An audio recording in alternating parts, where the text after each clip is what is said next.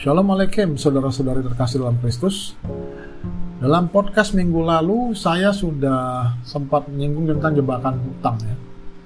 Dan bagaimana bahayanya hutang itu menggiurkan, menggoda kita untuk memuaskan kita sekarang tetapi sakit di belakang. Nah, tapi kalau sudah keburu berhutang, bagaimana keluarnya?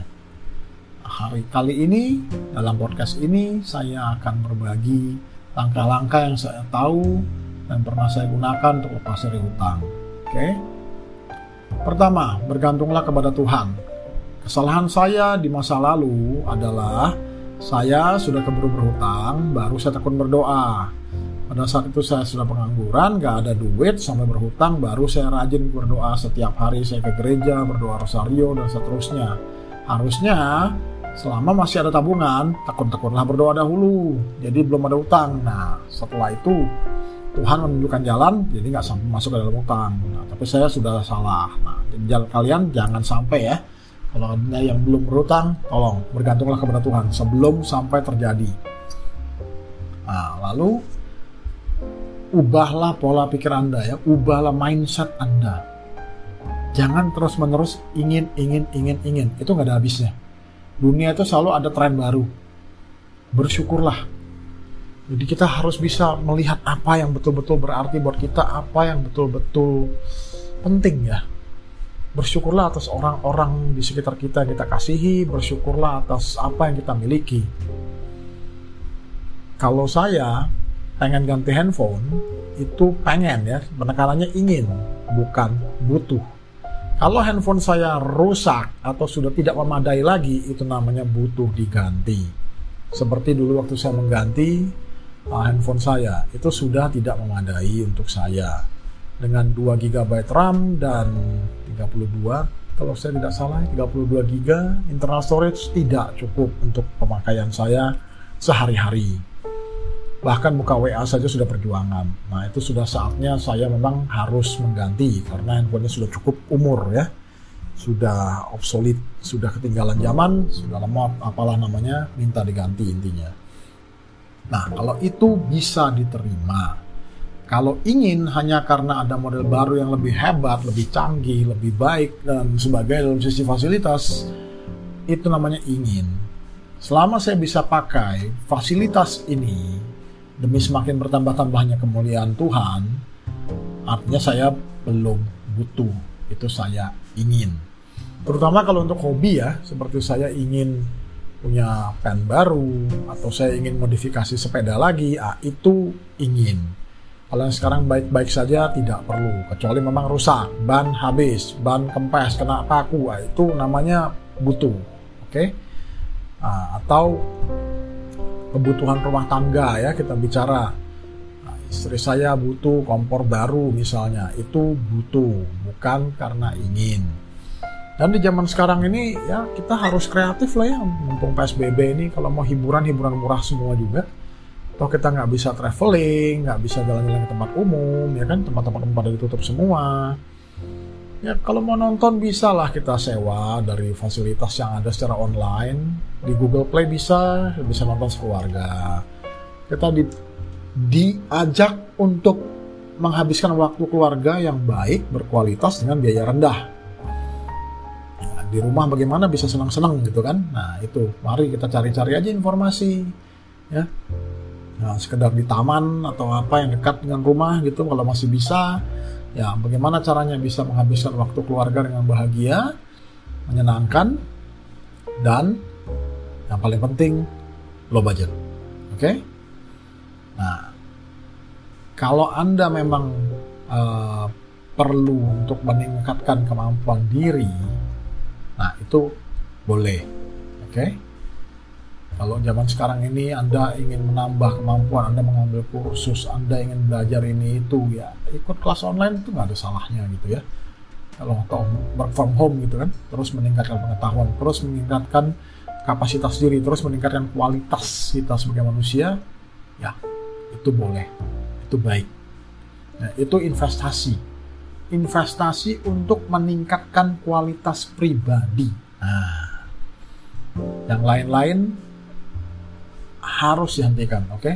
Ini uh, dalam kerangka orang yang sudah keburu berhutang ya, jadi yang lainnya nggak boleh belanja. Hanya maksimum yaitu untuk meningkatkan kapasitas diri. Udah. Karena logikanya Anda mungkin perlu bersaing lebih ketat, Anda mungkin perlu cari kerja atau apa, nah, pokoknya meningkatkanlah ya daya saing Anda di pasar tenaga kerja zaman sekarang. Nah, terus budgeting ini salah satu hal terpenting untuk bisa bebas dari hutang, lepas dari jerat hutang. Secara kasar, kira-kira 50% Anda sisihkan untuk kebutuhan hidup tetap, ya. Makan, minum, uh, listrik, air, telepon, uang sekolah anak, dan seterusnya. 30% Anda sisihkan untuk membayar hutang, 20% untuk apa pun sisanya itu, termasuk tabungan, sekecil apa pun. 5.000 perak pun tidak ada masalah, karena Anda wajib punya tabungan, ya, supaya Tuhan bisa memberkati kita. Aku sudah bahas sedikit juga di mas di, di sebelum di, di artikel saya ya kalau Tuhan itu memberkati tabungan kita. Jadi kalau nggak perlu punya tabungan sekecil apa pun itu. Sekarang ini zaman yang sudah sangat dimudahkan juga ya. Saya bisa bicara kayak di Bukalapak itu saya tidak sengaja juga. Ternyata ada buka emas dan itu bisa beli dari angka yang sangat kecil jadi sekarang saya punya tabungan emas. Dia akan taruh kayak sepuluh ribu terus sama dengan 0,00000 sekian gram emas gitu. Tapi jadi ada gitu loh. Nah, nabung itu nggak perlu gede dan nggak perlu macam-macam tapi anda bisa ya. Lalu nah ini hal penting ya. Kalau anda masih punya pekerjaan tekunlah tekun. Tekun betul-betul tekun tekun tekun ya walk the extra mile. Kalau orang lain kerja sampai jam 4, Anda sampai jam 6. Kalau orang lain memberikan kualitas 6, Anda berikan kualitas 8. Oke? Okay? Tingkatkan talenta Anda. Walaupun Anda cuma punya satu, jadikan dua, ya. Ini udah waktunya Anda pol-polan kerja semua. Kita semua wajib ya, bukan Anda aja, saya juga wajib memaksimalkan kapasitas talenta kita semua masing-masing. Kalau Anda dan saya sudah maksimum, bolehlah ngomong, wah saya sudah mentok gitu. Walaupun pengalaman saya sih nggak bisa-bisa ya, semua hidup kan terus meningkatkan diri ya. Talenta kita semakin hari semakin semakin kelihatan gitu. Kita bisa meningkatkan, meningkatkan diri di banyak bidang dan di banyak segi. Nah, yang menarik adalah bila Anda sudah mengasah kemampuan sampai maksimal, walaupun talentanya nggak banyak ya, tapi kalau Anda benar-benar maksimal di situ, itu terasa gitu. Orang-orang di sekitar Anda terasa kemampuan Anda walaupun di bawah orang yang lebih berbakat misalnya gitu ya. Tapi kalau Anda melayani dengan sebaik mungkin, semaksimal mungkin, setulus hati, misalnya Anda memberikan dua dari dua gitu ya kepada customer Anda gitu, itu ketahuan dan terasa oleh customer Anda. Jadi kalau mungkin ada pesaing Anda yang bisa memberikan tiga atau empat gitu, tapi sebenarnya kapasitasnya mungkin 10 gitu konsumen itu lebih merasa dihargai dengan orang yang memberikan dua dari dua gitu. Jadi kecuali memang nggak bisa dipenuhi ya, dalam artian memang udah benar-benar nggak cukup, itu orang akan tetap memilih kepada yang memberikan yang terbaik gitu loh, sisi pelayanan. Jadi maksud saya gini, misalnya uh, tukang sayur gitu ya, paling gampang gitu kan. Yang satu itu berusaha banget ramah segalanya gitu, walaupun bahasanya mungkin kurang bagus, ngitungnya kurang teliti atau apa tapi dia berusaha memberikan terbaik itu pelayanan yang terbaik.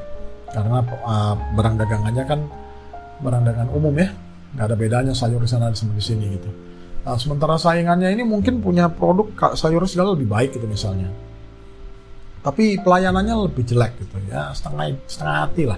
Mungkin ngomongnya pinter gitu ngitungnya jago tapi kurang niat gitu istilahnya. Nggak pol-polan gitu pelayanannya ada besar kemungkinan konsumen lebih milih yang layannya pol-polan gitu walaupun sebenarnya dasarnya kurang baik gitu ya. Itu talenta satu di dua lah.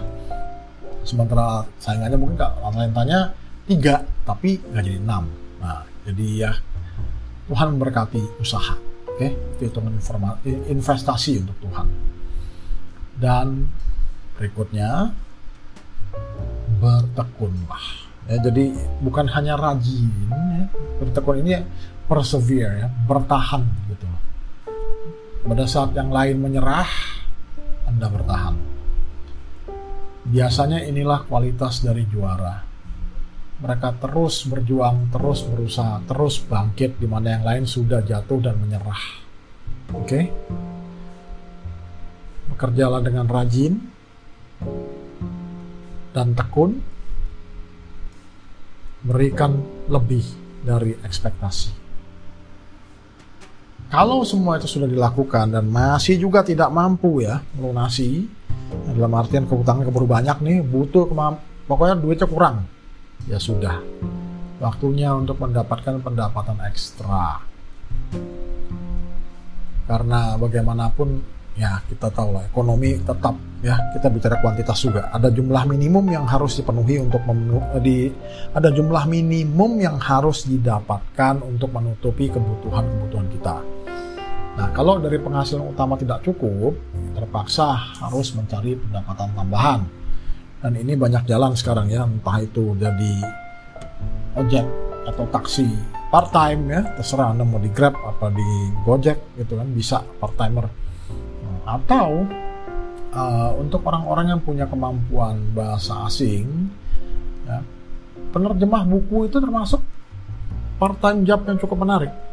Karena waktunya terserah anda fleksibel gitu cuma dikasih deadline gitu kan sampai sini bisa apa enggak gitu.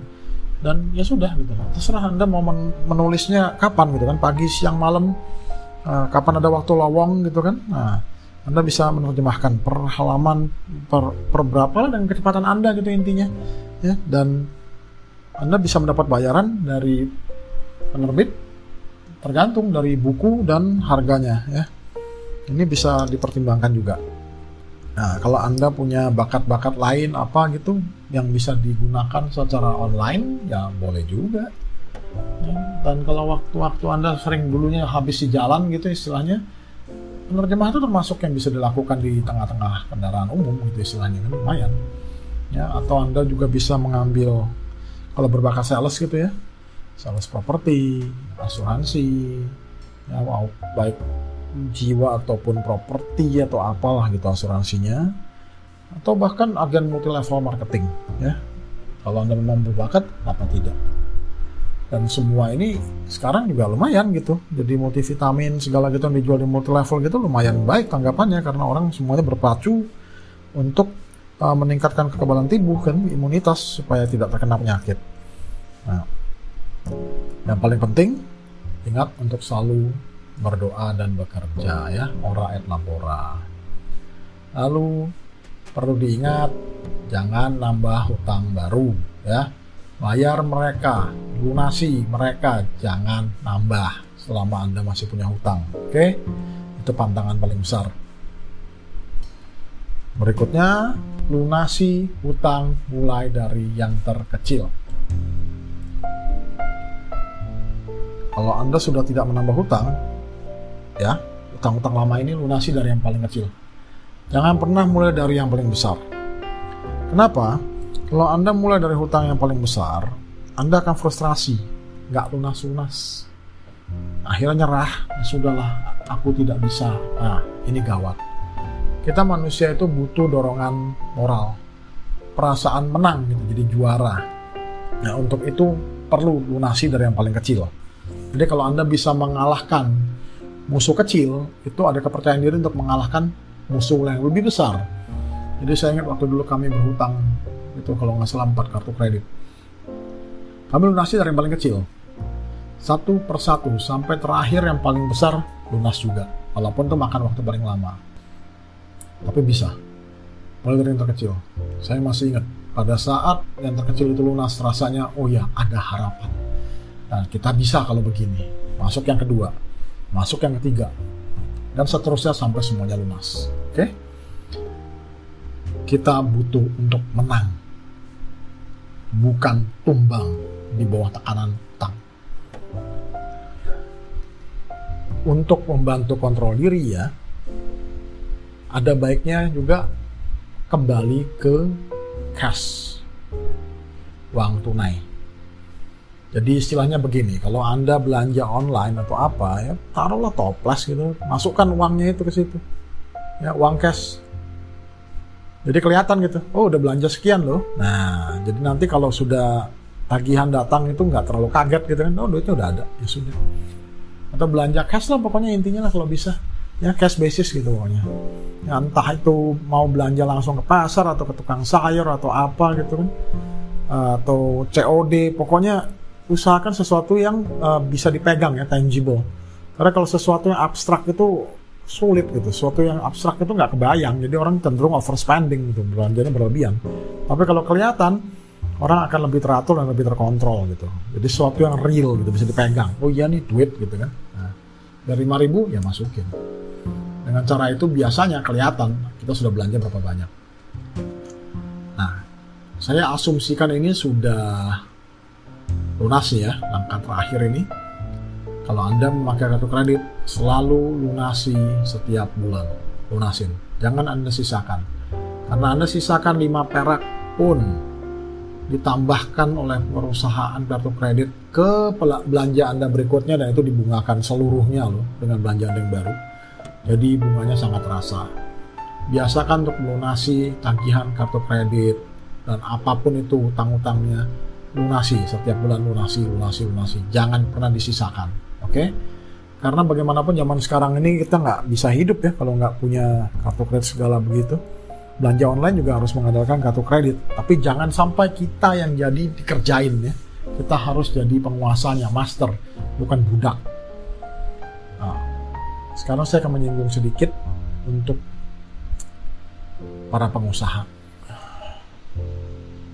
Para pengusaha perlu melihat ya pada saat kita mau meminjam itu leverage atau berdasarkan forecasting.